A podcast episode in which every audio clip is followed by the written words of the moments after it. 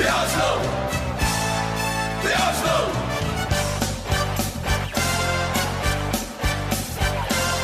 Good old Oslo, we're proud to say that name. While we sing this song, we'll win the game. While we sing this song, we'll win the game. Í Hæpur Ísland, ég er Eithor Hilmar velkomin tilbaka Takk að fyrir. Já, velkomin, Kristján hér. Já, þetta er, ég, ég er bara ánað með að vera komin áttur Ég hlustaði á þáttin ykkar út í London og, og þannig að þegar ég heyrði sigur og spyrja þá held ég í, tí, í smá tíma að þið myndi kynna að Hilma væri döður og hann myndi bara ekkert vera meira með. Þetta var svona meiri stemningin yfir lifin en eh, þekki eitthvað sem erum sigur þess ekki segja en ég held að það kosti 40 miljón að nota stef eftir þá. Já, það fyrir beint á Peninga ekki til. Þetta fyrir beint á klúbin Hilmar. Úps. Við gerum hann gjaldróta strax. En við ætlum svona að reyna að vera ekki að með leiðindu út í emri alla þáttina og það er erfitt ef við verum undanfarið. Þannig að við ætlum svona hver og einn að koma með sinn þjálfara hvern hann vill sjá taka næst við og kannski rökru við ráningunni Kristján, ég held að þú megi bara byrja núna. Já, ég er bara að byrja. Já, Herðu, þetta var skemmtilegt heimaverkefni og, og maður er náttúrulega auðvitað búin að pæla mikið í þessu.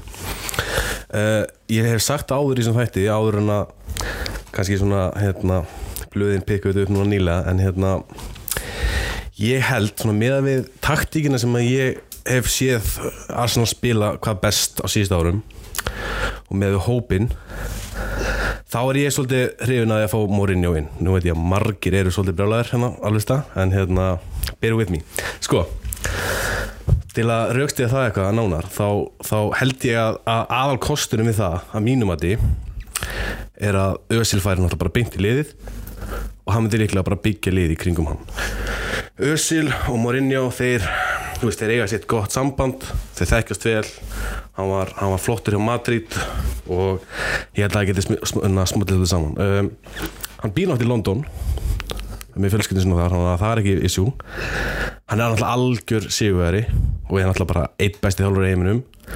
Uh, ég líka nefndi það sem kost sko að hann er aldrei lengur enn þrjú ár hjá liði. Og ég held að, að það sé svolítið gott fyrir bæði Arsenal í dag og upp á það að þú veist við erum komin með ákveðin svona infrastructure í, í eh, klubnum upp á það að við getum verið að eins og við höfum talað um í náður að uh, þú veist við getum reykið þjál, þjálfarn öðlega eða skipt honum út og hérna og allt það. Um,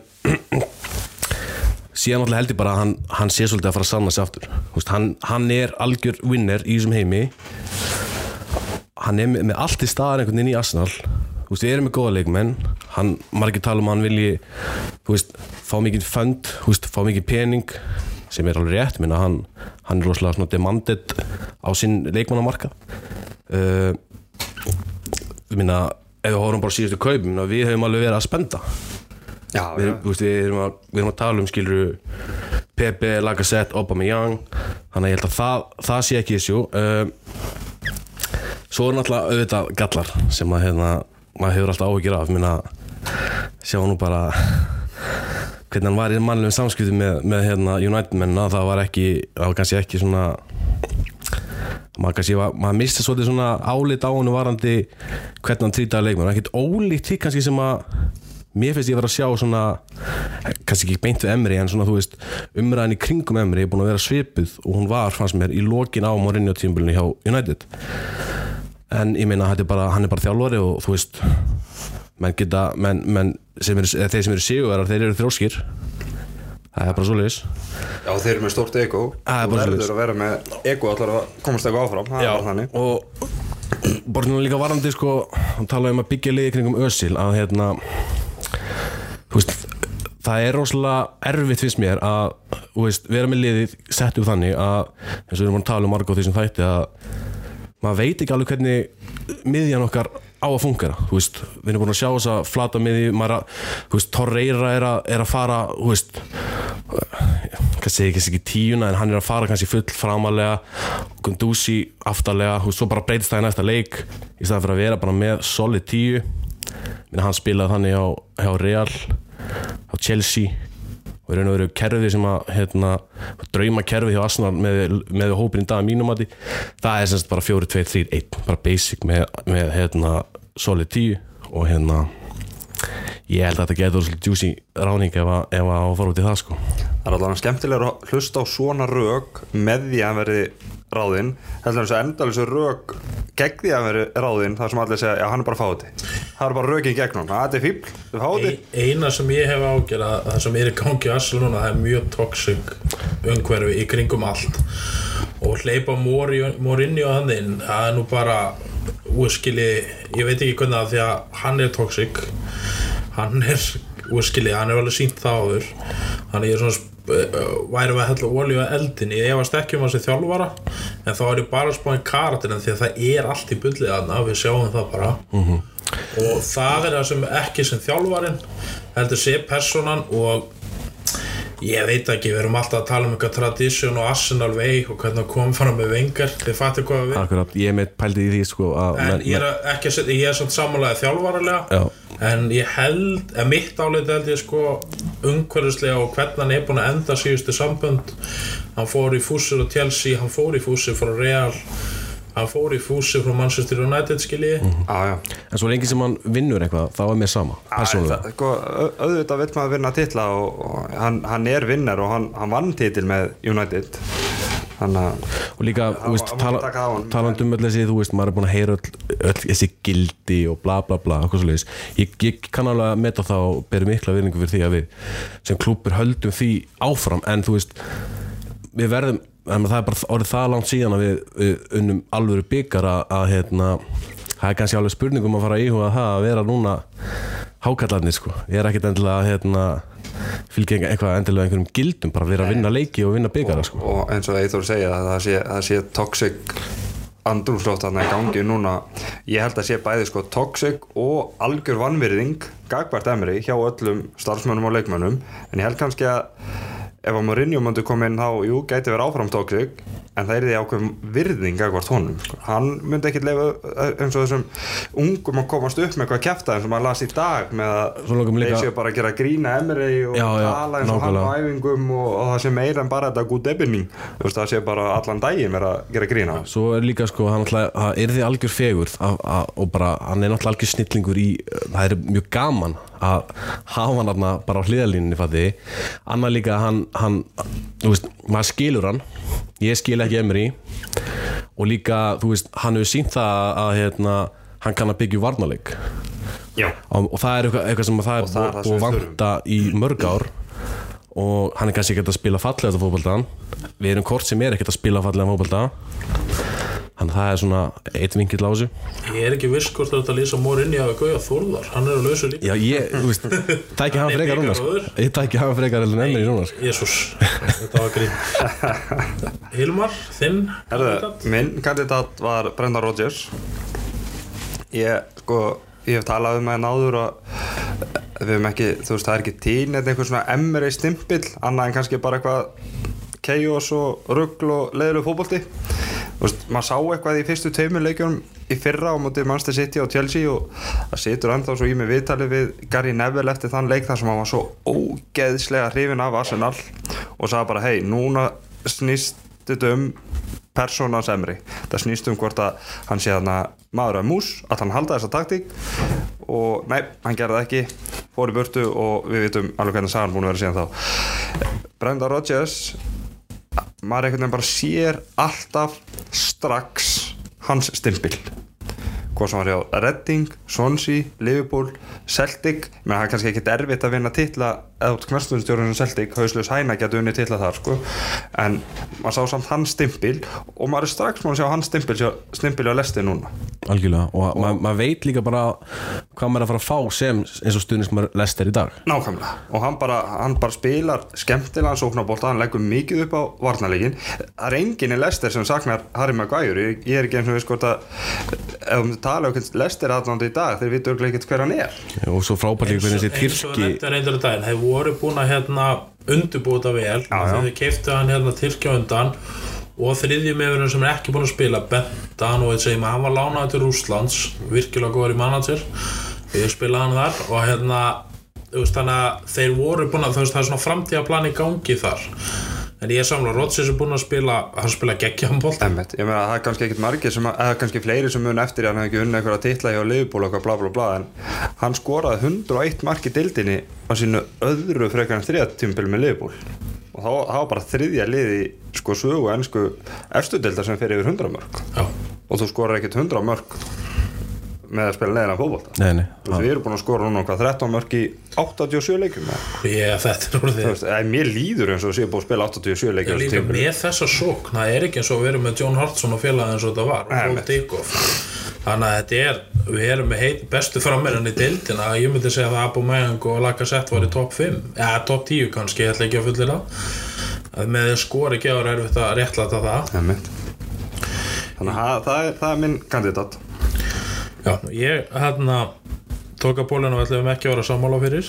Ég er með á blæði sett í Arteta eða Tyrion Rí ástæðan er einfallega við, mér- mín upplögin að við þurfum Arsenal mann inn með að hvað er í gangi sem skilur þetta aldrei svona hefðinar en hefur samt svona, hann getur breytt að hans einhver yfirkjaft að því að Emri getur ekki breytt að því að það er bara svona andi vengask svifir yfir og hann skilur hann ekki og Arteta er náttúrulega búin að alveg upp á Barcelona. Er búin að vera hjá Pep og hefur mikil áhrif þar eins og sést í þáttanum með að horfa þá á Amazon. Og ég held að hann komi með geggjaðanbolta sem er samt skipilæður af því að Manchester City eru skipilæður og Tyrion Rí er sama, hann var undir Guardiola. Og skilji þótt þetta gekk ekki um Monaco þá er Monaco líki fallsæti núna. Þannig að ég held að snjóðist ekkert um Tyrion Rí per se þar. Nei. en líka bara gefa sjans er þess að geggjað það er, alveg geggjað sko, ég er sammála því sko. Þetta, þetta er eins og Eithor sagði í gær um sko Ljungberg, þetta er svo fallegt ef það myndi ganga upp með Henry eða allt þetta sko. Ljungberg má alveg verið í þessi kategóri en drauminu minn er að fá til dæmis að Henry Bergkamp og Ljungberg varu saman og Bergkamp og Ljungberg aðstofa skilji það er draumurinn en ástæðan að líka sem Tyrón Rí hefur hann er með sko massívan svona við erum að tala um Mourinho hann er með meira ári yfir sér mm -hmm. skiljið hvað við. Og hérna, en samt eða sá við viðtalið sem sendi ykkur dag Niklas Bentner Já, hann svaraði Henry Henry talaði hann í tvo tíma eftir og leiðbjöndanum hvernig hann átti að vera atvinnumæður. Í staðan fyrir að bara berja hann sem hefur verið skiljanlegt. Allir skiljið það með Bentner en Henry er líka svona sem Morin ég átti aldrei svona beggja vona en ég held nefnilega allt þetta líka leikmennu sem hann spiluði með eru farnir núna. Emmett það var ekki þinn á að tala við hann og ég held við þurfum bara að fá okkur svona andlit sem okkur líka við. Akkurat, Rodgers er fíbl á mörguleiti maður man alveg eftir með. Leopold í Leopold þáttunum Mourinho, en ég held nefnilega sko að því að mín upplýn og bara sjá spjallsýður í vikunni að fanbase er svo tvistrað en ef við fengjum Tyrion Rí inn til dæmis þá við allir bara munið þinn að kom hann 37 ára og gæti ekki hreift sig nánast í hjólastól sett hann inn á fótari byggarn út af lít sem við lifðum að því marga máni eða fattu hvað Já, já. Þannig að það er alltaf svona mín upplöfun það er örgulega til betri að ég maður veit það ekki. Nei, ég, sko, ég, ég get alveg tekið undir þessi rög af því að eitt af því sem ég heyrði úti núna það er að fólki finnst það aldrei ha, ha, það- því hefur aldrei verið ja, Vá, jössus Fólk líður þannig að, sé, að það sé rosalega fjarlægt klubnum að það sé mikil gjá á milli klubsins og stöðnismanna í dag þannig að það þarf eitthvað eins og þú segir eitthvað Henry, eitthvað þannig típu sem kemur inn og kemur aðdándum aftur saman við Arsenal. Og það er það sem hann sko þeir eru aldrei uppi á Guardiola Henry, ég lega sér langt viðtala sem segir að Guardiola, hann vil spila þessu Guardiola og hann er flottast séð. Hann læriði líka hjá Roberto Martínez í Belgíu og það getur engin mjög Belgía eru geggjaðir, spila geggjaðan bolta. Og þeir eru að slátra leikjum 5-6-0 og það er einhver bara það er líka bara svo gaman að pröfa þetta. Nú er tækifærið. Og Real Madrid gerði það með Zidane. Það virkaði. Barcelona gerði það með Guardiola. Það virkaði. Sjáu Chelsea núna nákvæmlega okkar. Algjörlega. Það er að virka. Mm Mhm. -hmm. Bormoth, ETH já, þegar þetta var nærið delta klúbin hann tók við, hann er kannski eitthvað statjú Henry en ég er að segja mér langar að gefa þessu síðan salla. Ég er alveg samanlega að gleðin sko, gleðin er mikilvæg. Því að þú veist, það er bara bæði það gerir svo margt, það gerir náttúrulega bara stuðnismennuna aðeins svona það er bara skemmtlara, skemmtlara tenging á mitt í klúpsins og stundismanna þegar eitthvað svona, svona einhver svona kandidat kemur. Og líka bara við höfum hort upp á það þegar það er gaman hjá veist, þegar það er gaman hjá liðinu þar að segja þú veist, það er svona kemur smá refreshment, þá byrjar að ganga vel og svo náttúrulega bara the end of the day þá er það náttúrulega alltaf bara ef það gengur vel þá er gaman. Saman hver þjálfar og sko. það verður líka bara að vera gaman eða það eiga að vera framfæris Akkurat. það verður enga framfæri, það er hundlegilegt og þið leiðist alla dagar sko. og ég held sko, Henry er samt ekkert eitthvað svona tjónum en hann sko, menn fá að finna fyrir í. Það er ekki auðvelt verið Maitland Niles, Chambers, sveimhuga mennina að vera þar inni skiljið hvað við. Nei, nei, menn þurfa að hafa fyrir hlutunum í honum og bara sjá í franska landslið sem hann var í og bara, þú veist, hann spilaði með Jens Lehmann og Sol Campbell, það voru slagsmál átt einhvern einasta leik sem fór jafntöfli sko. svo bara verður svo mikið virðing bara, veist, hjá, hjá leikmannum hann að menn kannski, þú veist, fara meira svona ok, ég þarf, ég þarf að sanna mig fyrir Henry, sko, það er ekki bara að fara að sanna, sanna sig fyrir Arsenal, sko. Það er alltaf, háru konu með 34 kandida Henry er svona aðal en ég myndi Arteta var líka geggjað. Og þá kannski Hilmar, þú varst náttúrulega í Englandi á hópferðinni. Kannski svona lýsir henni hvernig gekk og svona og hvað var gert? Herðu, það er bara þetta var svona góð uppskrift af venjulegur hópverð eins og þetta er yfirleitt í okkur. Við flugum hann út á föstudags morgun og það er oft kannski svona smá kersla á föstudöfum af því að við reynum að semst, við lendum og svo tekjum rút á, á hótelið og, og gefum svolítið stuttan tíma þar bara rétt svo komum sér fyrir, borða smá og svo farið í skoðanaferð um völlin Arsenal er ekkert öðru í sig en, en önnur félög í dag og þetta er orðið svolítið svona ópersónlegt þessar skoðanaferðir, þú fær bara eitthvað svona iPad eh, í, í hendurnar og, og svo headphones og svo áttu bara að hlusta á getur valið hvort þú hlustir á þennan kall eða þennan kall eða að lóðsaðu um völlin en það sem að við Siggi höfum farið samtals kannski hundra sinnum um Emirates þá höfum við bara tekið að okkur að vera bara með íslenska leiðsögn. Og hafa komið mitt hlutverk núna að vera með íslenska leiðsögn og þú veist, jú, jú, þau fá, þau fá þetta, þetta stykki og megi alveg hlusta að vilja en, en ég reynir bara að vera svona hnitt með þar og e, yfirleitt, bara eins og núna þá fekk ég ágætis hrós fyrir leiðsögnuna, er bara í raun og ekki með allar þessar sögur það er svo margar sögur uh, í, í iPadana skoðanaferðin er kannski að taka tvo klukkutíma en hún tekur kannski 45 mínútur hjá mér og ég segi bara staðreindir og eina skemmtilega sagan sem ég segi það er með klukkuna inn í búningsklefa. Búningsklefin Arsenal megin er nákvæmlega eins og hann vengir vildi nema að búið að færa eitt hlut og það er klukkan. Klukkan var nefnilega fyrir ofan markmannin og það fór alveg óendalega í taugunar og Jens Leimann að heyra tikkit tikk, tikk, tikk. þannig að hann bara stóð upp og hann sagði bara ég er fá þessa klukku í burtu, punktur. Og þeir sem hafa starfað undir og með vengjar þeir segja að þetta sé bara eina skiptið á 22 árum þar sem einhver annar fekk að taka yfir einhver ákvörðun sem vengjar var búin að ákveða það er gaman því en, en svo er búið að opna inn þannig að það er nýtt að búið að opna inn í inn, inn í herbyggi þjálfarans út frá búningsklefanum. Vengir leiði það ekki það var alltaf alltaf þarna lokað Svo bara þegar skoðanaferðin er búinn þá förum við í búðina og klubunum fær alltaf afslátt, hann er því miður svona rokkandi milli þess að vera 10 og 15 og stundum 20% þannig að maður veit aldrei hvaða afslátt maður fær. En bara eins og í öllum ferðum þá erum við bara vesla til klukkan 6 og við erum bara reikin út, það er bara búið að loka og bara eins og Íslendingu sæmir þá bara er veslað og veslað og veslað. Hvað, voru, hvað, hvað treyjur voru menn að kaupa? Þá þetta er í já, ég kefti bláu PP-treyjuna og það, það var það var eiginlega mest mest núna bara að vera að kaupa ómertar treyjur. Já, menn bara ekki viss. Nei, ég held að bara, ég held að sé Það er ekki líka orðið fokkala verði, já, já, þetta er orðið sko 72 pund með merkingu sko. En ég, líka- þannig ég fór á Emirates síðast þá var ég mitt keiftu við í einhvern baktalda herbyggjum hérna ferð með Charlie George. Já, það var, ég, það er öruglega hægt í dag en það var eitthvað, það voru svona 15 og við fengum allir einn og einn tíma með honum. Og þetta var eitthvað svona ótrúlegasta hann er fyrirvonandi leikmæri sem ekki vita.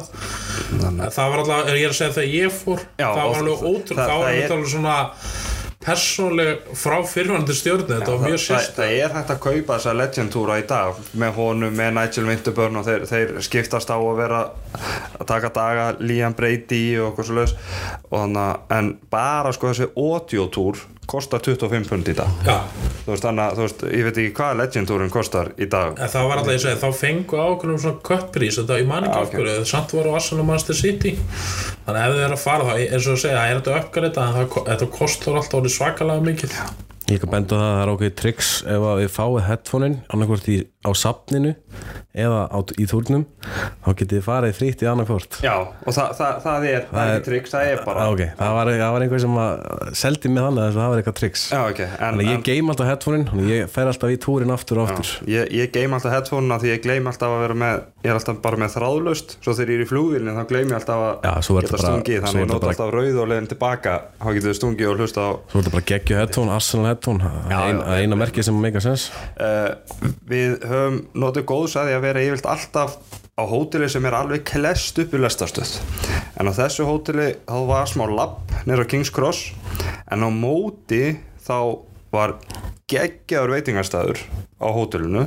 Þannig að hópurum var mjög samheldin og gerði mjög mikið saman. Og vorum öll kvöld bara borðum og svo fór á hótelbarinn og sátum þar langt fram á kvöld og það kostaði bara 10 til 12 pund að taka leigubíl frá hótelun upp á Emirates. Þannig að þú veist fjóru saman í bíl og þú veist þrjú pund það var ekki neitt neitt. Lögadagurinn hafa frjáls. Sunnudagurinn þá var leikur og þá var bara alltaf við, eins við farastjórnir gefum bara eitthvað ákveðin tíma og förum nér og hittust á lobby og förum alls saman og ég held að þetta sé í fyrsta skipti það sem að allir fóru með okkur. Það var enginn sem fór bara sjálfur fóruð á Gunnarspöp fyrir eða? Fórum á Garnusbæð fyrir.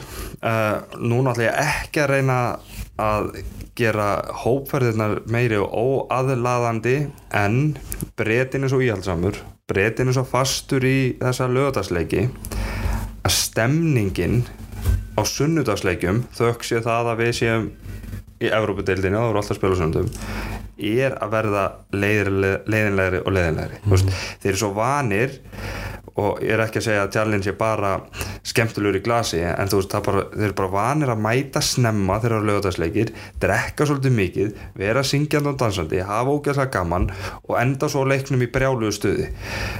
Að því að svo er bara sunnudagur eftir. Þá bara þú getur leið heima í þingu en núna eru bara allir leikir á sunnudöfum og anna og þú þarfst að mæti vinnu daginn eftir. Veist, það er ekki einu sinni veist, það, það er bara auðvelt. Þú far bara einhvern veginn alltaf sæti inn á Gunnarspöp það er ekki tróðið veist, það er auðvelt að kaupa bjór og þetta er ekki þegar maður talar við þá, þetta er ekki út af því að menn er eitthvað á móti emri eða, eða það gengur illa, þetta er bara sunnudagurinn er bara, er svolítið að drepa Arsenal og þá kannski komið það svona tala um tvistarar hópur sko, þetta er hluta því. Já, þannig að þetta er, þetta er hluta því. Að það er eiginlega bara kjarnin sem er að hafa ennþá gaman sem bara fuck it, það er að vinna á mánudaginn.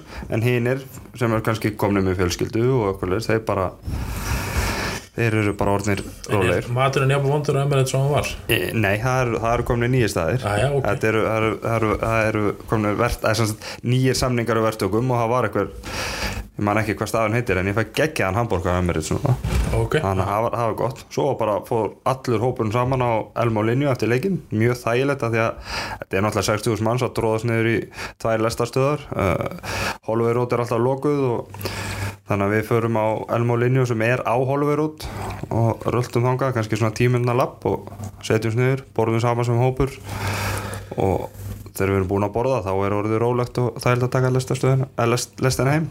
Þannig og svo bara eins og alltaf þá er svolítið mikið chill á mánudum þannig að yfirleitt er setna partsflug og og þeir sem er farnir að þekkja þessa ferðir svona og uh, ég og Siggi og við gerum í raun og veru ekkert föstudag, lögadag og sunnudag og eigum bara uh, mánudaginn eftir í að vesla við erum, njótum, við erum nú hefnir við fáum ekki eitthvað listað heiman en við þurfum alltaf að kaupa eitthvað og ef þú geymir það fram á mánudag þá er hann fljótur að liða.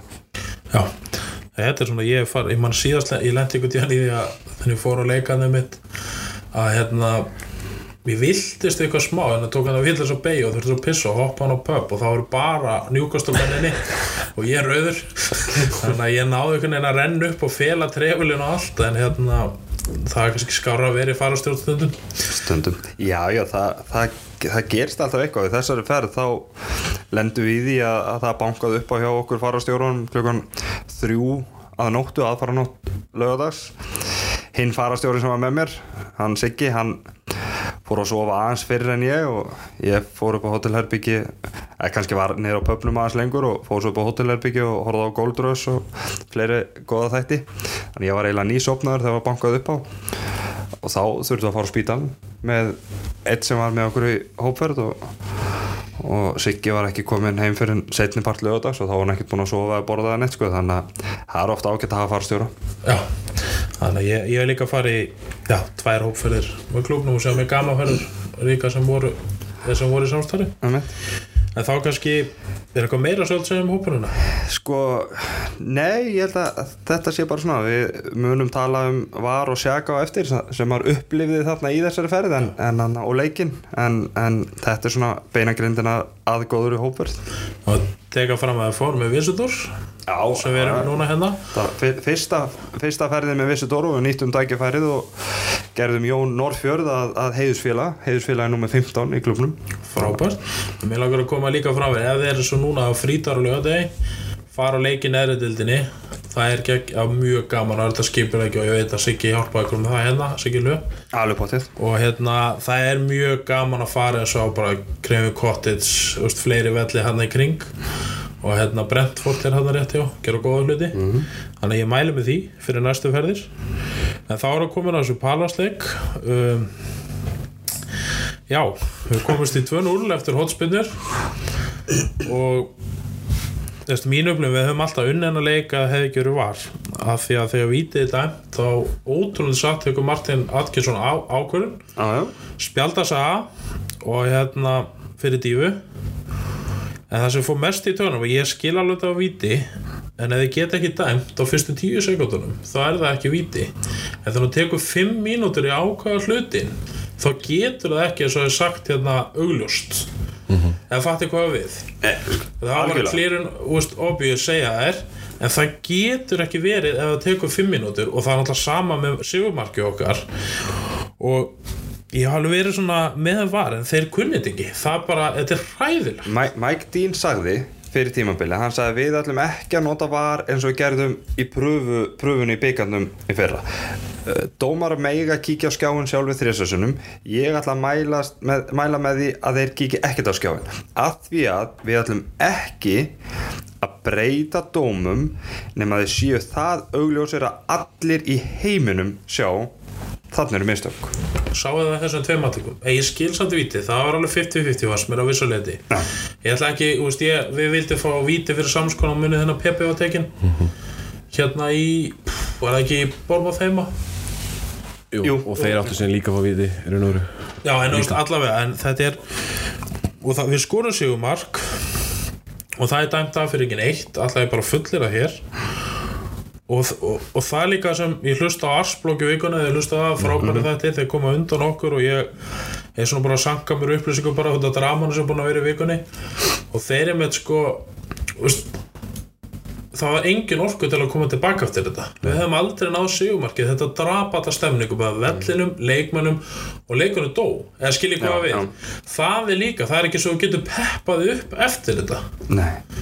Og mér finnst þetta til dæmis atrið bara með var eða vítir sem tóttina fekk á sig ég hefði, já, úst, bara þetta er svo mikið þetta er komið út svo mikið bull. Það, sko, það var fyrir þessa helgi þá hafði var aldrei snúið dómi við. Þeir voru 17 sinnum búin að breyta rángstöðu dómi það var eina sem var að búið að gera. Þeir voru bara, svo voru bara búin að staðfesta uh, dóma frá, frá dómarum inn á vellin en 17 sinnum búin að taka mark af eða á samkvæmt þeirra rángstöðu að það er náttúrulega mjög auðvelt að klippa bara á sekundu brotinu sem var boltinni gefin inn fyrir og nota bara þrývita tækni upp á að sjá hvort það muni millimetr eða hálfu millimetr eða ekkert. Einhver áherslu breyting hefur pottit átt sér stað fyrir þessa helgi að því að þessa helgi voru 11 dómum snúið við Ástæðan er dramaði leifupólmannum og hvað áhrif þeir hafa dómara í Alveg Ástæðan, mannsestileikur á mjög veldæmdur á mínum að en þeir voru bara brjálaðir að ekki fengið aukaspinnu sem var ekki aukastmynd á leikaraskapin hann heldur villast á fót. Ekki þessu brotið, það var hendi á manni. Miðað að Martin Atkinson var það frábælega dæmdur leikur, þú getur ekki gert meiri væntinga til hans. Og þeir trillast og sjáu kloppan línu, hann öskrar á dóman alla leikinn Vengar og Mourinho, þú nefndi það að þeim hefur hent upp í stúku öllum öðrunum þjálfurum. Þannig að úst, ég held þetta sé það af því þeir voru einu sem valdi þetta síðustu helgi. Einhver, einhver var breytingin af því að þetta var bara, þessi helgi var bara það mikið rugg að bresku blöðin voru að líka var við Brexit. Jöfninu Mark Pallas sko, við skorum á föstuleikadrum og Sigur Marki er líka úr föstuleikadri algjörlega. Opni leikunum var ekki spes uh, en núna þarf maður alltaf að stríma því að leikin er ekki síndir þannig að maður er kannski ekki alveg. En jöfnunumarki er líka eitt alveg klúður frá aðtölu Callum Chambers á stóran þátt uh, sending, ef þannig sóknin byrjar út af vinstri kanti þá er hann lappandi, reynir ekki að vera fyrir sendingunni, eldir ekki manni sinn sendingin kemur á fær Týrni er allt og langt náttúrulega frá Lewis og Lewis tekur ekki mannin og hann skalla bara inn á einhver færi. Og þetta sumar þetta aldrei upp sko, ef þú horfum á þetta aftur reyfingin á Chambers á þetta kanti maður fær alveg bara svona uh, Já, og, og, og Sjaka reynir að bjargunum. Sjaka kemur Já. í, í dekningum sko, en Sjaka einn og einn á móti tásend það er bara, hann líka leikur hann, er, hann er að þrýfa upp skítið þarna Já, já. en hann sýnir hún líka svo fáránlega hlið fannst mér, Þú veist, bara skólabókudæmi um, um hérna, hvað, hvað átt að sína manninum sko. En bur, burt sér frá þessu öðru marki Arsenal og þú veist, við gerðum alveg nóg ef, ef orðum að þannig, við gerðum alveg nóg til þess að vinna. Það var, bara aðrir sem að tóku þetta á okkur við vorum samt bara mjög lélir mjög lélegir. Og að vera, vera þarna á vellinum sjá, það getur vel verið eitthvað sem er búin að horfa á Match of the Day og sjá aðna aðna uh, Ian Wright gaggrina sjaka því hann er eitthvað, þú veist, kemur sér svæði en horfið svo eitthvað aðra átti, þú veist, ég, ég hef alveg spilað á miðju og þegar maður er búin að finna sér svæði inn á miðju og tilmónd þess að fá boltan þá kíkir maður auðvitað kringu sig. Sér er maður að koma, er er þessi laus sem ég sá rétt áðan, að því maður þarf að vera búin að ákvæða hvað ég ætla að gera þegar ég fæ boltan í fætunar ég ætla ekki að fá boltan í fætunar, líta niður og þá fara að líta upp og sjá hvað er í gangi. En, sko Sjaka og Ceballos þegar þeir kom inn á voru alltaf þeir kunna alveg hreyfingar án bolta. Þeir voru alltaf að finna sér svæði milli sóknarmanna Krista Palas og miðjumanna. Já. til þess að fá hann til þess að bera boltanu Sókratis og Lewis þeir gáfu aldrei á þá. Nei, ég horfði með þetta, einmitt þetta myndband. Sjaka var alltaf að finna, leita svæðin til að senda í leiknútu hann fær bara ekki boltan, hann er í dauðafæri.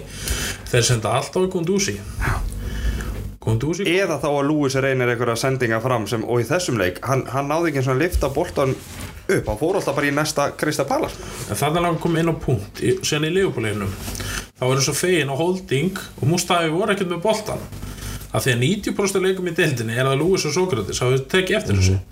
Þeir eru bara með boltan og ég var bara yes, loksins og þótt að fá 5-5 bara ég þarf ekki að horfa á miðverðunum með boltan alla leikin Einmitt. Gundúsi kemur inn á. Mustafi og Holding er með boltan út leikin og ég hef ekki gagnand Gundúsi hérna en það komið moment sem hann vinnur boltan vil okkar að fara að taka boltan fram á við. Og og bara allt opið á miðin eða Leopold koma þess að háa pressu. Gundúsi tók boltan þrís á ránum og spila hann tilbaka á markmann. Og ég bara sá þarna að Gundúsi er eitt stæðsta vandamál í uppspilinu okkar.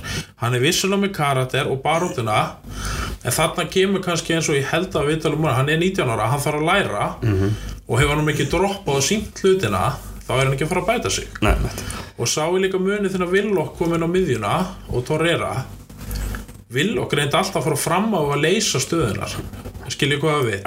Brjóti bleikin en eins og segir líka með Sjaka og Sjábæjós alltaf lausi, fá hann aldrei Gundúsi fær hann. Móti Votford, var það ekki þeim leikur sem hann er búin að missa þrísvar hann að þeir skora? Jú, og þetta er vandámi líka. Miðverðinni eiga ekki að vera svona mikið í leiknum á mínum mati. En svo, svo reynda breyttist þetta aðeins þegar Ceballos er komin á, á miðju svona fyrst þá, þá var bara eins og liðið væri lengi átt að sjá það þetta er ekki lengur Sjaka, þetta er ekki lengur það, er þetta Ceballos? Og ekki reynum að gefa á hann. Og ef hann, og Sjaka fekk hann þetta stundum í svæði sko og, og aðri fengu hann í, í svæðum. Ég held að þessi, þetta hafi verið lélægasti leikur Aubameyang og Lacazette í Arsenal-dreyju það var engin hreyfing á þeim. Og ef að miðjumennir fengu boltan og hefðu geta gert eitthvað þá kom ekki þverflaup, þá kom ekki hreyfing. Þannig að einu skiptin sem að einhverja sem þrefum framherjum var að fá og ég er ekki að nefna Pepe af því að hann var svona sæmilega líflegur. Ekki af góður og Saha var en, en hann var svona sæmilega líflegur og líflegastur að þessum þremur sóknarmönnum. Þá kom langsending á Lacazette. Og það magna með Lacazette en, stó, en sterkur hann er ef hann er ekki inn í vítateig og það er kannski aðalega að tala um þá má ekkert koma við hann þá er hann dottinn og fann að væla öll fá aukarspunni ef hann er inn í vítateig þá hann, getur hann alltaf tekið á mótu boltan, sínt hvað hann er sterkur og, og, og- snúið sér við og hann fær alltaf færi og, og jafnvel skora átti hann alltaf skota þarna í stöng þar sem hann er búin að snúa á sig varnamannin bara með líkamlega styrk, styrknum sem akkur er hann svona sterkur inn í teig en auðli fyrir utan teig. Og þetta drepur líka sóknarleikin okkar ef hann hefði bara staðið í fætuna þá hann kannski náða að tengja og bamja hann inn í leikin en hann þurfti alltaf að detti í raskatið detta á raskatið, fórna höndum og, og þetta smitaði út frá sér. Sko, við komumst í 2-0 eða sem búin að segja. Þeir mingaði 2-1 við vitum alveg hvað er að fara að gerast í setnáleik þegar setnáleiku byrjar. Við höfum lent í þessu áður og við munum lent í þessu oft áður. Anstæðingurinn kemur dýrvitlega sinni Ég var búin að horfa á hana leik held ég þúsund sinnum í haustum á mér. Og hvað gerum við? Það fara allir í þetta, það má ekki koma við okkur þá eru dottnir og, við, og vælum í aukarspunnu og pyrringurinn verður til þess að við förum í fáránlega tæklingar og brjótum okkur að palarsmönum og þá er dæmt. Og þá verður alltaf ennþá brjálað. Við vorum orðin svo pyrraðir að þú veist það var einu skeitt sem ég tók upp síman til þess að senda skilabóð og ég sendi skilabóð ykkur tvo og sagði, heyrðu við erum orðin hausleysir þeir eru að fara jafna og það var bara út af eitthvað svona pyrringi þú veist við vorum komin út úr stöðu við vildum fá aukarspunnur á allt sem hann gert. Sókratis tók boltan og reyndi að sækja upp hægri kantinn og svo var bara svona tikk komið hann, þá datt hann á hausinn veltist í margar ringi og vildi fá aukarspunur Mér fannst líka sko varandi þetta að með Lacazette, hann spilaði hérna á móti var ekki, eh, Vittoria er ekki rétt sagt það? Vittoria hann var sko byrjað að slefa eftir 50 mínútur og var gjössalega búinn og í engu standi. Og hann er alltaf vera meittur í 6-7 vikur. Sama með Týrni nákvæmlega sama gerist þar. Og þú veist en það er þið bara að spila sig í fórum Bellerín Lacazette var í einhver standi til að spila, spila hana leik nema kannski síðustu 20 með hvað ég sá á 50 deginum ekki að hann er lélur, hann var bara til að komast í form. Maður stáði líka að hann var alveg honum pyrrar bara sjálfur? Nei, er að segja, er ekki, þú getur ekki taldið einbindingu og ert þreyttur. Nei, nei, og það myndast líka bara pyrringur á sjálf og sér sko. við þurftum að eyða skiptingu í vinstri bakvörð í þessu leik. Að því hann var búinn. Við hefum alveg geta að spila heyrðu, við hefum geta að spila kólasinni í þessu leik. Ekkert mál og komið tíðni hægt inn í hlutina nei nei, hann tekur kólasinni út. Og hann var hauslega sem þetta leifból hann er bara farin í haustum líka út af þessu bulli sem er í gangi. Hann er albakvörðu allt í hennu hend skilur við, það var ekki svo tíðni spilaði svona vel á móti Vittoria og Callum Chambers sem þetta Lúi sa hvað, hva, úst, það, spilar frekar með hellat næls sko, það, það er nefnilega málið. Sko, þú ert að búa til sko, Callum Tjembis er alveg búin að standa sér þokkalega. Callum Tjembis er alveg ágæti smiðvörð hann er náttúrulega ekki hægri bakur upplægi og er ekkert rosalega snöggur. Akkur er þjálfarn okkar að koma Arsenal í þá stöðu að Saha er einn á, einn á móti Tjembis Nákvæmlega, og þarna hefðu við freka geta bara kvilt Bellerín á móti Vittoria við sem við erum að mæta saman. Hann spila þann leik og getum alltaf skipt honum út af í lokin eða konið þægilega stöðu. Og eða Mætland Næls þó fyrir þetta rauðaspjald skilur þá var hann ekkert búin að spila eitthvað arfarslag Nei, þannig. og og þetta finnst mér svo erfitt að langtímaplani fer og allt í hann spila menningi fjóra vikur eða skilji hvað við, af því að hann bara, bara breytt og ég er smá fegin að þetta upp út úr þessum uh, Karabó Cup. Ekki fegin en þú veist, þá erum við ekki lengur að nota þess að leiki í fitness og við veitum ekkert hvað er í gangi. Einmitt. en hérna en þessi palasleiku tapast á var. A- algjörlega. Og en þú veist við hefum náttúrulega getað að spila betur en það er bara margt þegar sjálfstöðstegi lítið og allt þetta. Og það hefði breytt náttúrulega rosalega miklu bara þú tala um tengingar við stuðnismenn liðið og bara svona jákvæðni yfir höfuð. Veist, þó að þetta hafi við mitt verið við minna dómarum mistök þau gerast og allt það þetta, hef, þetta var svo ekstra sárt og ekstra vont fyrir bara Einmitt. líka víti hefði ekki komið. Þá hefði þeir ekki náðu þessum momenti á þessum tíma Já. og þá held ég að við náðu alltaf svona setla okkur inn í leikin og bara klára hann. En náttúrulega leikunum spilaði svona og síðan náttúrulega verður pff, sjaka atriði sem er eiginlega bara maður er eiginlega búin að býða eftir þessu mm. ég hugsa eftir á. Og veist Hilmar þú byrjar upplifin þín á vellinum. Herðu, sko, við erum náttúrulega sko, Krista Palas, loknaðum svolítið á Krista Palas þegar þeir eru jöfnuðu 2-2 þeir eru náttúrulega þú veist, maður sá bara eitthvað þú veist, maður sá náttúrulega bara bullið í Arsenal reif upp stemninguna í- Krista Palas mönnum. Og líka sko, þú veist, þegar þú liggur í grasinu, vælandi og vælandi og færið ekkert en brýtur svo á því að pyrringi þá æsur náttúrulega líka upp sko stuðningsmennina. Stuðningsmennir á Krista Ballas þeir bara æstur stvílut upp og þau víli glæti og gáfu náttúrulega bara sínum mönnum annað búst. Og svo þau eru jöfnu og náttúrulega hvort það þreita eitthvað þá svona aðeins lagnar á Krista Ballas við náum að komast betur og betur inn í leikinn og við sjáum svo að Saka og það var að passa sig á hvort maður segir Shaka eða Saka. Saka er byrjað að hita upp og stemningin var svona á vellunum að það heldu allir að Lagasett var að fara út af. Lagasett var náttúrulega umulugur í Vítórialeiknum hann var búin að vera umulugur í þessum leik. Og þá var bara Aubameyang er að fara upp á topp og Saka er að fara á kantinn. Allt í góðu. Svo kemur spjaldið. Og það stendur 34 jú sko hann er ekki vinsæll hann Saka Saka er ekki vinsæll. Það heyrðist bara á við eigum klippað, ég veit ekki hvort við náum að spila það eða ekki sko en ég tók upp þegar allir leikmenn voru kynntir. Og það var alltaf klappað og svo ekstra mikið fyrir þá sem er vinsæli og svolítið klappað vel fyrir tjærinir að byrja, best, byrja fyrsta leikin í deild og, og hvað svo leiðis það var bara þögn þegar Sjaka var kynntur á vellinu það var eitthvað bara við hliðin á mér sem sagði pú sko þannig að heyrðis kannski í klippinu þú veist smá pú en það var eiginlega bara þögn. Þannig að menn eru ekkert rosalega hrifnar á hann en tilfinningin þegar 34 kemur upp er samt meiri svona að það var meiri svona spenna. Við ætlum að taka miðjumann út af við ætlum, bara, við ætlum að keira á Krista Pallas við ætlum að fara að setja þú veist, fjórða sóknarmann inn á og núna verður bara kyrt á, á liðið. Og þess vegna var byrjað að klappa og öskrað og fagnað breytin er því miður ekki búin að setja upp þessa reglu að þú ferð út af stystuleið ef þeir eru búin að gera þá, gera, það- þá er enginn sem gerir það. Þeir fara alltaf út á þarna á, uh, við varamannskilið Sjaka er eins langt frá varamannskilinu og getur bara ímyndaðir hann bara lengst í burtu og hann byrjar að lappa bara tölta. Og það er þá sem allt Nei, bilast. ekki eins og þá. Ok. þá, þú veist og fólk er, þá er fólk eitthvað að byrja hvað er í gangi, við erum að flýta okkur hlöft út af, við þurfum að koma okkar mann inn og nota momentið okkur leis og laga sett hleypur og nú veit ég náttúrulega ekkert hvað þið eru búin að sjá eða hvað sást í strími eða hvað þið heyrðuð en laga sett hleypur í átt að sjaka og ítir svona í bakið á hann hvað er út af, við erum að flýta okkur. Og hann bara slær í laga sett.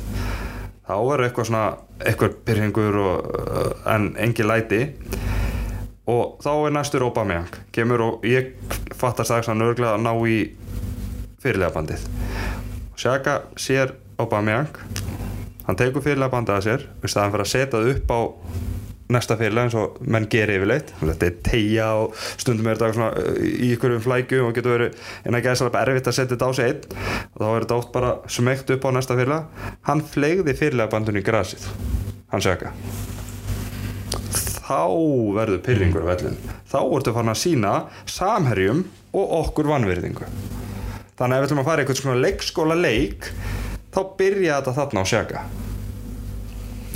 Og Aubameyang náttúrulega bara fyrir grasi og tekur upp fyrirlega bandið og, og fólk er þá byrjað að öskra get off the field þú veist uh, we're trying to win the match, get off the field og, og þá, þá byrja að sjaka með eirun, eða sem sagt með hendurnar upp að eirum og leiðan fyrir með hendurnar upp að eirum og byður um læti, þá fyrir búið á stað.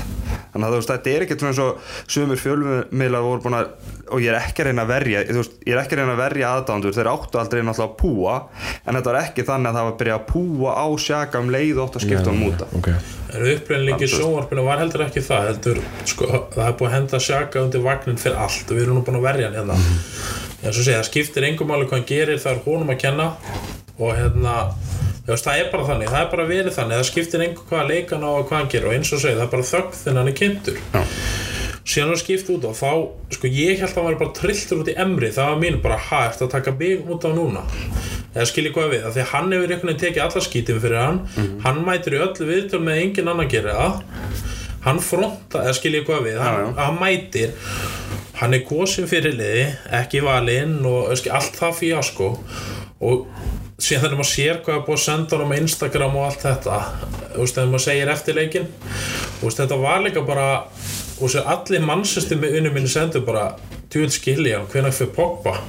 Af því að sjáu meðferðan sem Pogba fær líka. Það skiptir engum máli hvað hann gerir. Hann á alltaf sök skilja ekki hvað við jú, jú. og þetta er bara veist, þetta var bara mannlegt eðli hvernig það brást við.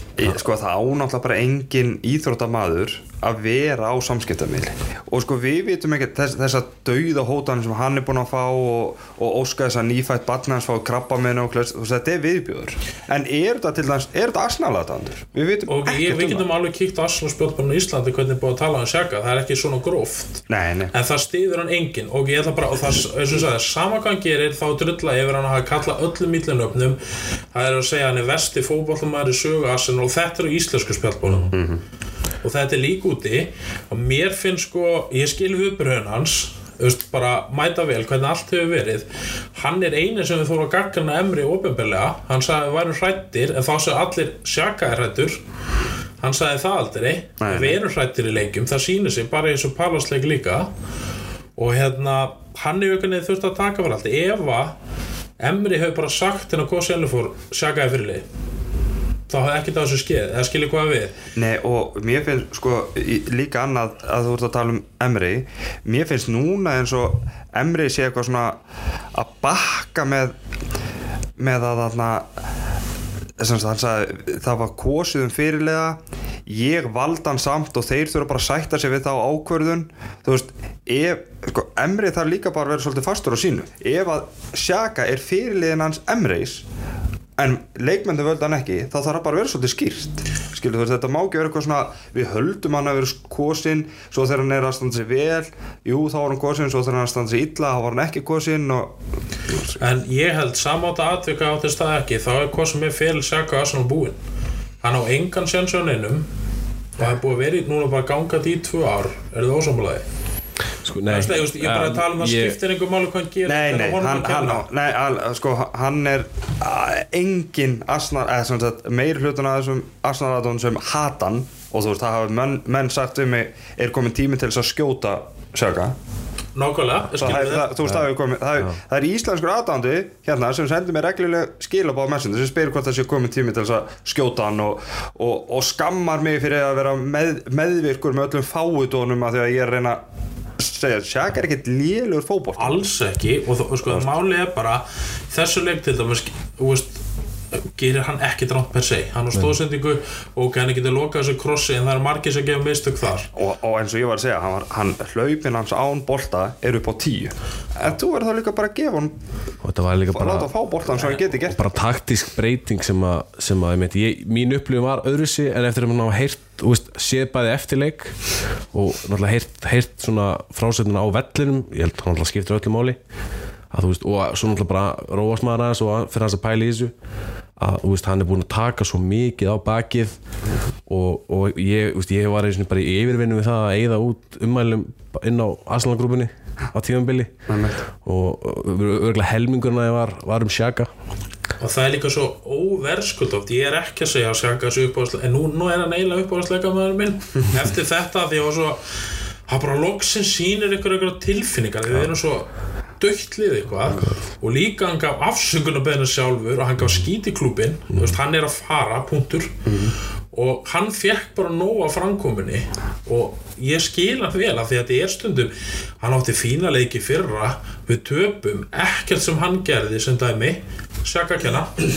Það er Já, alltaf, já, alltaf saga þetta, ekki svo, svo, þú veist, við þurfum einhvern veginn alltaf að finna okkur eitthvað svona blórabökur. Sko, undir undir lok feril sem sé á e-búi þá var allt honum að kenna. Það skipti einhverjum Parló líka. Grimandi En ég er bara að segja, þú veist, mér finnst sko veist, aðdándir síðan eins og þetta voru að lýsa, síðan breytast þig ykkur viðkvæm blóma því að hann segir fokk og fyrir þá, hann getur ekki komið svona fram við mig, hann var bara, þú átti þetta skilið. Svo en skiljið hvað er að fara? Ég er að segja að menn breytust allt í einhvern lítið blóm. Býtu það má ekki koma svona fram þegar er hóta að drepa barnið hans. En skiljið hvað er að fara?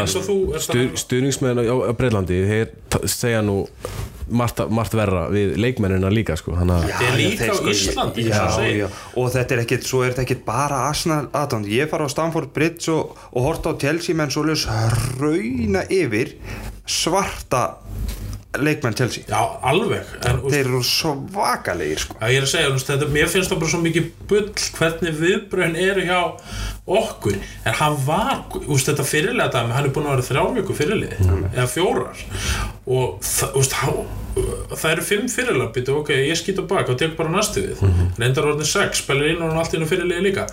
En hérna, börn, en þetta bara kei og sem er í kringum allt og hvernig Emri hefur líka, hann sagði um daginn ég er að vona með hann fyrirliði að við bætum áleitt fólks á honum. Og hvernig tala, hann á bátt hann er að fara til sálfrængs. Nei, hann þarf ekki sálfræðing hann síndi það bara nákvæmlega þarna. Hann er með þór að gera eitthvað sem engin annar þór að gera og hann, hann stendur við það. Svo líka alveg svona á, ágætlega svona verðt að pæla í því að veist, minna, hann er búin að, eins og við segjum, búin að vera rosalega svona, þú veist, takit allt á sig og, og hefur ekki sagt neitt og bara er búin að þetta bara veginn svona uppsafna og maður veit aldrei hvernig, í hvernig ástandi hann fer heim eftir leiki og fleira. Svo eignast hann alltaf hann að bann og þú veist, nú hef ég ekki eignast bann sjálfur en ég get ímyndað mér ég að meitt jafn gamalt þannig að ég veit alveg hvernig hann liður ég er mjög tens í vinnunni. Akkurat, þannig að það, það er svo mikla tilfinningar líka bara í lífi, úst, maður gleymi líka oft bara að þessi leikmi fara heim til fjölskyldun sinnar úst, ma maður pælir ekkert í því sko. en síðan er líka okkur gaman að sjá Instagram hjá þeim og hvað þeir eru að gera Já, akkurat. maður vill líka það, það er líka gaman en við verðum þá líka að bera virðingu fyrir hlutunum og, það, og, og galli við social media og hætta að væla þegar að menn vinna leiki og fagna og senda bara skemmt, senda myndir þessi ána með ég sig elska þegar að það bara, nei, þá er það ekki nógu gott. Þú átt ekki að vera að senda eitthvað svona þetta er eins og þegar Rói Kín kvarta yfir ef við fögnum ekki nógu vel einhverju marki. Rói Kín bara kastar yfir öllu. Já, þú veist, ég meina, þú veist leifðu leikmönnum að gera bara það sem þeir vilja, ef þeir vilja, ef þeir tapa leik og vilja þá fara í einstags frí frá samskiptamöðlum so be it, sem er bara held ég ef að kona bara þín hætti með þér þá ert þú ekki að fara að senda eitthvað bara happy Jojo akkurat. selfie myndir bara næstu 2-3 og ég ætla líka að segja eitt. Tæklingu á Gundúsi lókin og raukt á mati Pallas. Þetta- þetta- ég, En, já, já, en þetta er samt skemmtilegasta tækling Þetta- sem ég nokkuð tíma En ég ætla að segja ykkur eitt, eða Sjaka að tekið hana Hvernig eru viðbröðin? Ég er að segja bara munin tveim, Ég er að segja góð- leikmönnum. Það sagði ykkur, þess að þetta voru fyrirlið maður bara, ha, þetta er getur Þetta er mjög góð punktur nefnilega því að Kundúsi er svona þessi ungi gauður sem að, úst, er alveg brjálæður og, og allir er eitthvað að tala um að við þurfum að venda þennan mann og eitthvað svona frábær punktur því að við veitum allir hvað, hvernig það hefur orðið að Sjaka hefði gert þetta. Alveg klárlega. það er bara, hann hefur tekið að lífi sko. Og er Lewis, ef Lewis hefði gert það, þá voru bara mistök á kaupan ef Lewis hefði gert það. Já, þú veist, ég bara getum haldið áfram. Það er bara það, Torreira geggjaður. Þetta er bara, bara þetta Sjaka Bottom lineið, ég held að hann var aldrei fyrirlið Mhm. og hann getur náttúrulega ekki verið fyrirlið eftir þetta. Ég held að allir saman um það. Mhm. ég vona hans vegna að fari ekki að mér langan í burtu skilji en þetta er bara við erum búin að rústa og líka bara ég ætla að segja Une Emri, Mustafi Granit Xhaka, Alexander Maitland Niles Kola Sinjak núna í síðasta leik. Sjáum Lukas Torreira, hann er bara hálfu maður af því að hann er bara inn út á liðinu Mesut Özil. Þetta er rosalega listi sem hann er búin að rústa sem einhvern veginn er bara búið að cancela út úr liðinu. Ég, ég ætla að vona að Sjaka fari til Ítalíu núna og brillir það. Já. sýnir bara Ég meina, hann er góður maður- En sér ég það vil líka hann bara- ekki burtu en þetta er bara ekki hægt og hann getur aldrei unni upp sjálfstöð þegar það er komið svona fram. Og mér finnst hann betri en okkur er hann persónulega, sjá hann bara með svistenska landsliðinu og hann hefur spilað rétt. En ég held bara fyrirlinu búinn en ég var bara ánægðan að brasa svona við. Og hvernig heldur svo fyrir Pól Pogba? Af hverju heldur að hann vilji fara? Það er komið líka svona fram við hann. Og hann er tíu svona betri sjaka og tíu sinni stærra á og þetta er media. svo mannsesti fyrir að sendi bara hérna djöfull skilja hann, þetta er hann upp á að sleikmaður minn. Djöfull vona ég að poppa takk þetta líka. Sjáum líka Ösil ef að Sjaka spilar ekki þá mun Ösil fá hann að skýt hann fekk hann alveg, nú eru sömu menn. Ó hvað ég vil fá hann í liðið. Þetta eru sömu og vildu ekki sjá hann í fyrra sko. og vildu Hann bara- selja hann hendunum Já, hann gæti ekki neitt og alltaf að fela sig og líkamstjáningin hans er ömuleg og... En ég velti líka fyrir mig að því við vorum að tala um, þú veist, hann sjaka grefur hann upp skilabóð sem hann hefur verið að fá til sín. Og maður velti fyrir sig skilur bara hvaða fáitar er að senda svona skilabóð máli er að, nú veit ég ekki tölun á því en ég get ímyndum mér að, að stuðningsmenn Arsenal bara veist, þetta er örgulega svona 1% minna jafnvel. Og, og að þú veist social media heimurinn er bara svo flókin hvað var þetta að þú veist, við viljum náttúrulega fá eins mikið og við getum frá leikmennunum fyrir leik, eftir leik, öll þessi myndbönd storyin og allt þetta. En mér veist að, þú veist, ef ég væri fótballtamaður skilur, þú veist, maður þú veist, auðvitað myndum maður alltaf fara í inboxið sitt og skoða það og lesa kommentin og svo, svo náttúrulega þetta út. En ég held bara að þetta sé óumflýjanlegt í dag að, að svona lag gerist þar sem, þar sem að veist, einhverju fáuðar kommenta á, á mynd senda honum skilabóða whatever þetta er, þetta er alltaf glata hvernig þessi er alltaf sko tengt, að beint á okkur stuðnismenn þegar þetta er ekkert stuðnismenn veist, þetta eru bara vittleysingar Nei, það er til svipa að segja að kall með nauk ekki en það er bara þetta 1% að gera. Þetta á bara ekki að líðast. Akkurat, og ég, ég, alveg, ég er saman hérna- því sko. og úst, þetta bara er viðbjörnslegt að horfa upp á þetta og hérna og raun og verið er eitt komment alveg nóg er við sko. þurfum ekki að leita alveg hengra enn í messengerinn hjá þér og annan sammeili við okkar þar sem við getum, við getum fundið svona skilabóð akkurat. þannig að þetta er ekki þetta, þetta, þetta er ekki einhver og við getum alveg fann narslanspjöld og við getum byrt tíu svona umali Já, já. og hérna þannig að því miður held ég að þetta er búið og kannski við færum okkur þá í leifupúleikin sem allt í einu varð handbóltaleikur og við vorum íslenska markmann í markinu sem var ekki skot ef við varum í handbóltaleik þannig að típisku íslensku landsleikur skoru gæt mikið, geggjusókn og markmennum er 0% markuslu og ég hafði svo mikla trú á Martínez en Jésús Kristur ég vekk almúni á flassbakk hann átti bæði mörkinu og ég er búin að horfa á fimmsunum þetta er ekki eitthvað sem mér segir rass og ég er ekki að tala um vítaspundikefna það er hefni. Og þetta var rík sko, sóknarlega, þetta var æðislega þetta er skemmtilegasti leikur Arsenal Mjög og ég skemmtilegur. elska að horfa á liðið. En síðan þegar ég horfði á og ég var einhvern veginn 5-5, mér var alveg sama. Ég "Ó, þetta var svo gaman einhvern veginn. Bara, ég hef ekki fengið svona leik lengi. Holding og Martínez ég, bara, ég er svona að þrá margt það er að horfa á þetta. Og hann verði ekki fymta marki, ég er bara grín. Sko. og líka marki sem hann er með þennan snýr hann á Holding. Já, og það sem veldur mér áhyggjum þú veist, ég ætla að tala um jákvæða eftir. Martínez, það er engin samkendni við Leno. Ég ætla að bara eftir ég sá þennan leik þá bara ætla ég að fullara þá líka kannski Vittoria leikin Holding er langt eftir á því miður, eins og hvað ég vildi fara að fá hann inn. Það er bara hann þá fleiri leiki verður ósámála Nei, ég er sammála. Ma- Nei, þú veist, ég bara ég, ég, ég, ég held að það sé alltaf rétti maður til að koma inn og vera byrjunleismæður en ég er sammála maður svona maður þarf að gefa hann Man er á brásóldið að sjá í hann þessum leik. sko. og svo náttúrulega er þetta líka bara sko, samspil milli náttúrulega uh, allra, allra í liðinu. Ég ætla ekki að setja þetta bara á bara Nei, holding. Nei, nei, nei, ég er bara að segja það sem veldur mér áhyggjur eftir leikin, ég er ekki að liði náttúrulega á sök og Akkurat. og hvað er búið að fokki Kóla Sinjak? Þessum jákaða bangsvakar hann, hann var bara alveg off og trilltur. Og það er bara það sem ég var að lýsa á þann allt í hennu hann dottin út og hann er ekki unnið sér inn Nei, fannst mér fram á hinnuleginu og en, en við fengum allan að eins og segja bara, þetta var frábær leikur veist, maður, maður var bara veist, ég líka einhvern veginn var ekkert svona veist, þegar þeir jöfnuð þetta var bara svona, að ok, geggjað, við erum bara að fara í vítu veist, var ég var allan ekki þannig gýra ég var, var hvorki sko pyrraður ég var heldur ekkert eitthvað, þú veist, bara já, ok hérna, þú veist, 5-5 fyrir bara í vítu, skilur, ég var komið þangað. Það var ein, ein, ein stór ástæð fyrir að ég öfundaði aðdæmandur ógeðslega mikið í þessum leik. Bursið frá því, þú veist, ég hef náttúrulega aldrei fara að leika á Englandi sem hafa skorið tíu mörg en það var eitt sem var til þess að ég öfundaði það er ekkert var þarna. Já, sko, fyrsta marki á þessan var ólulegt ólöflut já. Aldrei víti. Nei, nei, þú veist þannig að þú veist Englendingar hata var eins og ég sagði þá. Og ef ég má aðeins hoppa að, aftur í Krista Palasleikin og nú náttúrulega bara sko please, kaupið hópur og farið með okkur í hóperið en ég ætla ekki að segja ég sé að deyja ég með langi að fara aftur á leik. Var og þú veist, maður heyrði svona samsværiskenningar fyrir tímabili um að dómar á Englandi verður það óanað með var að þeir ætla að reyna að rústa því. Maður er alveg svona farin að smá trúa því.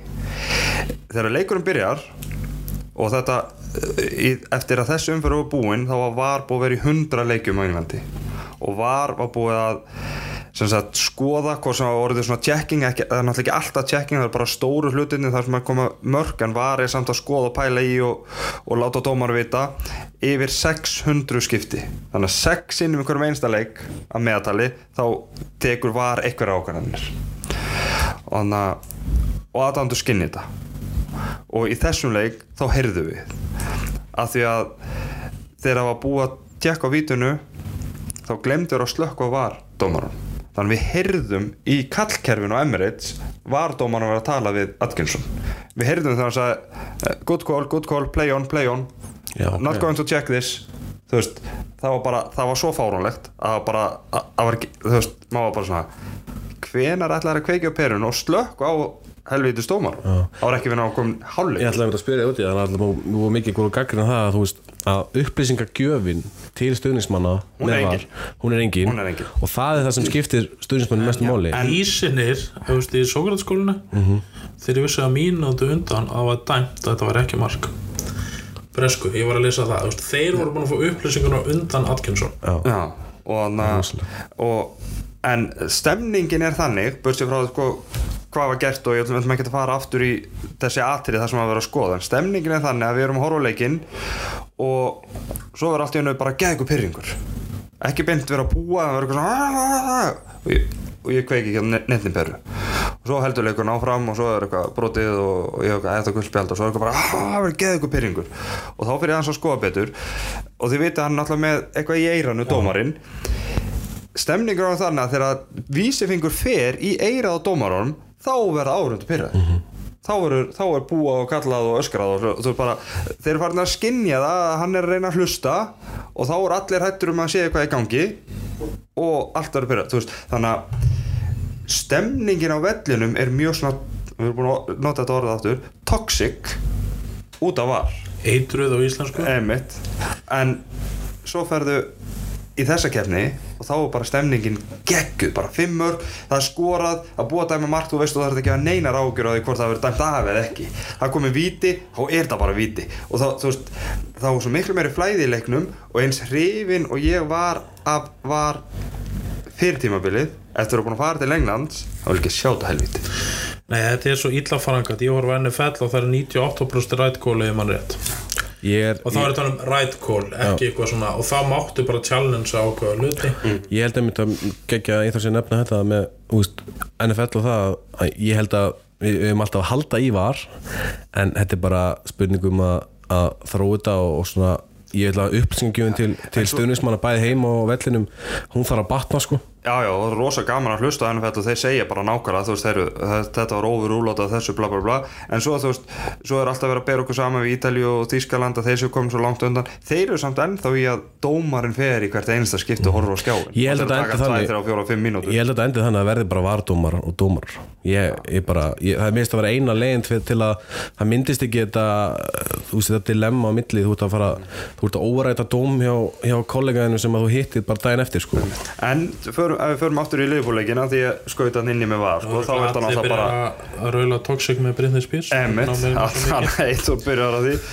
Og ég byrjar því núna. Leifbúleikur í áka var að við hittum rétt að miðju. Ég held að þetta sé besta miðan okkar Willock, Torero og Özil. En það sjá, það sjáum við það bara um leið og hann tekur össul út af hvað miðjarn og sók, sóknar uppbyggingin hrundi sko. þá líka kom Gundúsin og ég held að ef að hefði annar komið hann inn þá hefði þetta ekki verið jafn ábyrjandi en Özil var náttúrulega langbæstur á vellinum og langt á undan öllum. En það sem ég hefst heitlega með Willock hann losaði pressuna, hann kom bóttanum fram með hann var ekki að halda og Torreira var frábær líka. Þú var ekki að hafa miðverðina sem aðalmenn. Uh, hins vegar voru skiptingarna planaði fyrir leik. Það, Og Emre Vik- hvenar hefur það gengið upp í fótball? aldrei en það sem ég úst, ég hann er að plana Torreira og Össur er að fara að byrja á helginni. Það, er- ef það Það er eins gott. Ef það gerist ef það ekki, gerist, þá skal ég fyrir ekki þetta. Akkurat. Já, en ef þeir eru á bekknum á morgun utan hóps þá kemur 40 minnar randum emri í næsta nei, ég sé svona Eh, þá, Ég líka, sko, við erum að fara að vinna hann að helvits úlsleik ef að þeir byrja hérna Já, og það sem ég lega meðast þetta rétta miðjan. Martinelli er, eins og ég nefndi ára hann með einhvern X-faktor sem við verðum ekki að sjá aftur næstu 15 árum. Og ég ætla bara að fullir að það er einhvað við hann sem, og Klopp sagði það líka eftir leikin og hérna þannig að ég var bara mjög og síðan var, var ekki Saka á vinstrikantið það Mútur Lífur, jú. Jú, og síðan var ég á Alexander Maitland Niles og hann leitt bara út þess og síðan hennis præmi Össul hann á tímabili og Saka átti ekki góðan leik fannst mér. En með réttu skiptingum hefðu skorað 7-8 mörg og klára leikin ef Pepe hefði til dæmis bara komið inn fyrir Maitland Niles og bara það það hefði Össul gengið frá þeim með Pepe. Já, já, með, með réttu skiptingu stöðinu 2-4 þá hefur bara, bara valtað yfir ekki, en þú séum klára leikin ekki búið þeim inn í leikin áttur Nákvæmlega, það er alltaf að segja en við skorum við fyrir mörg, frábær mörg og mörguleiti uh, mér fannst það loks að setja miðjan og ég er vonan að halda þessu við hana. Uh, nefnum kannski ég sé bæja sinn fyrir Villok en ég vil Gundúsi og Bekki núna ekki að því að veist, hann þarf bara að læra. Mm hann er ungur tvítur hann þarf alltaf kannski sumi meðferðin á Villok líka bara til að læra og fá hungrið.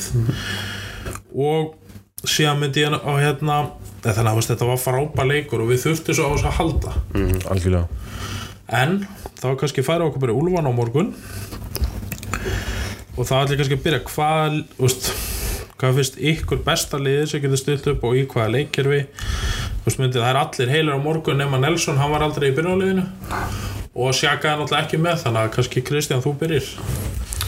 Já, sko það er nú erfitt fyrir mig að, setja holding í lið þannig ég held að verði Leno náttúrulega bara í markinu og, og Bellerín verður að koma með bandið aftur Sókratis og Lewis vonandi.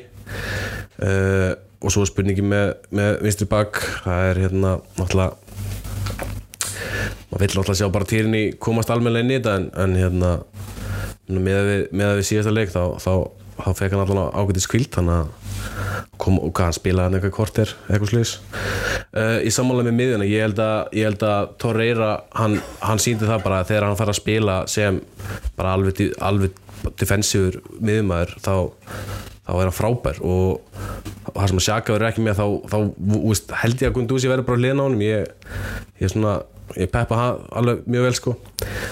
Uh, svo myndi ég bara vilja sjá Bómiang, Özil, Pepe og Lacazette á tóknum sko. Það er bara svona liðið sem ég myndi að stilla upp ég var þjálfur Arsenal í dag.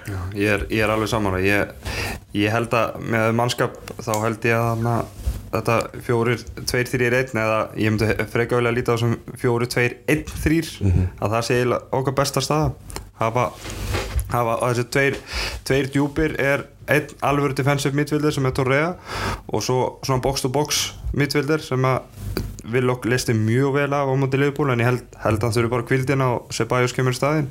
Ösil svo þarf fyrir framann að mata Lacazette, Pepe og Aubameyang og, og það var þá alla þrjá fremstu. Ég ætla ekki að setja, jú, jú, Lacazette er náttúrulega einu svona target strikerinn hann upp á topp en þú veist, þeir rótera bara fram og tilbaka. Heldur að Torreira byrja það ég held að já. Já. Það uh, kemur sér ekki óvart að segja bara að Torreira og Kundúsi myndi byrja. Uh, Ég var líka til að sjá okkur ég senda okkur í gær 3-5-2 já, ástæðan er einfallega svo að uppspiliðu gengir hæðilega uh, með að fá tvo miðverði upp velspilandi og, veist, og, vera með, og, fá þá Bellerín og Tyrni hátt á völlin út og breyka og tvo frammeiri og síðan Ösil að þú veist, Vúls er að fara að spila þrjá fyrir þrjá eða hérna 5-4-1 á morgun og breyka á okkur sko. Ég væri til að sjá þá útfæsli í einhverju leikum eða þú veist, ef það er gert rétt eins og við þannig, jöp, þannig að munum tóttan á 2-1 yfir og við unnum 4-2 þá fórum við í 3-5-2 og þannig við sláturum Manchester á heimaðalli þá spilum við 3-5-2 nákvæmlega svona sem ég er að lýsa. Þá Ösil í hólunni, Abu Meyang og Lacazette frammi. Pepe getur líka skipt vannað þeirra, eða hvernig við stillum mig upp og með Torreira Villok Ösil hann á fljótandi miðju. Af því að varnarleikun hefur verið slappur.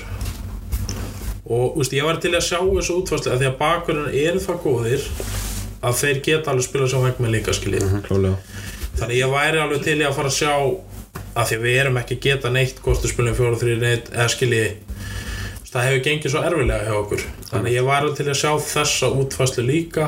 Þannig að við þurfum ekki alltaf að nota miðjumennin að hjálpa bakverðin og þá getur annar miðjumenninn alltaf að droppa undir í staðan fyrir að miðjumennin er aldrei á miðjunni sem er núna. Það er kannski rökið fyrir og þegar við spilum 3-5-2 í fyrra þá vorum við ekki að gera þannig að ég væri en við erum held ég að fara að spila fjóramanna lína á morgun en ég væri til í að sjá þetta stundum og þá eru líka laga sett og og stafum ekki fram í tveir og það er djúfulegt að eiga við að svoleiðist nálátt hver öðrum.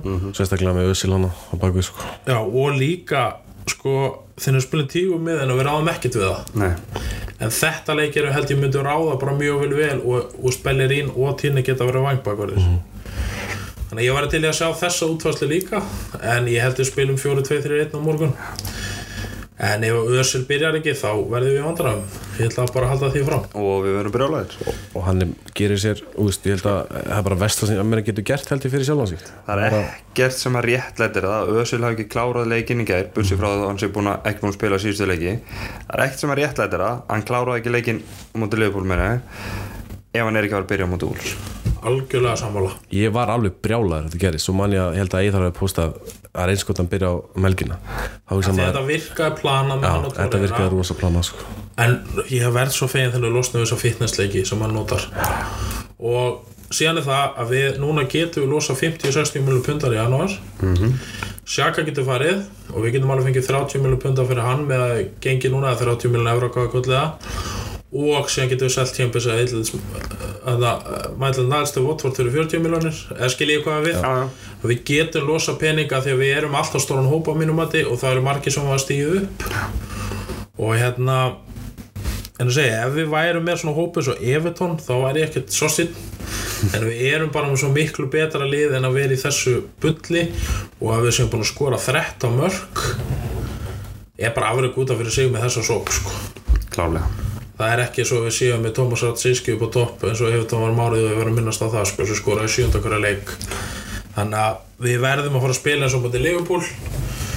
Ef við spilum þannig sókn þá munum við ganga frá liðin Klárlega. Ég held að er eitthvað fleira frá okkur sem við erum að glefa Nei, eru ekki búin að rauðsa ágætlega Jú, þetta er Spá heldur fyrir bara Ég, já, ég veit ekki. Sko, ég, ég má, má ekki spá sko Ef Ösul spilar, ég þá það. vinnum við. Já, Ef Ösul byrjar inn á, þá ætlum ég bara að spá bara nokkuð góðu 3-0 Góðum 3-0 segri ég ætla bara að vera sammála Hilmari. Ég, Og ég ætla, ekki, ég ætla ekki að spá neinu öðru en tapi ef Ösul byrjar ekki.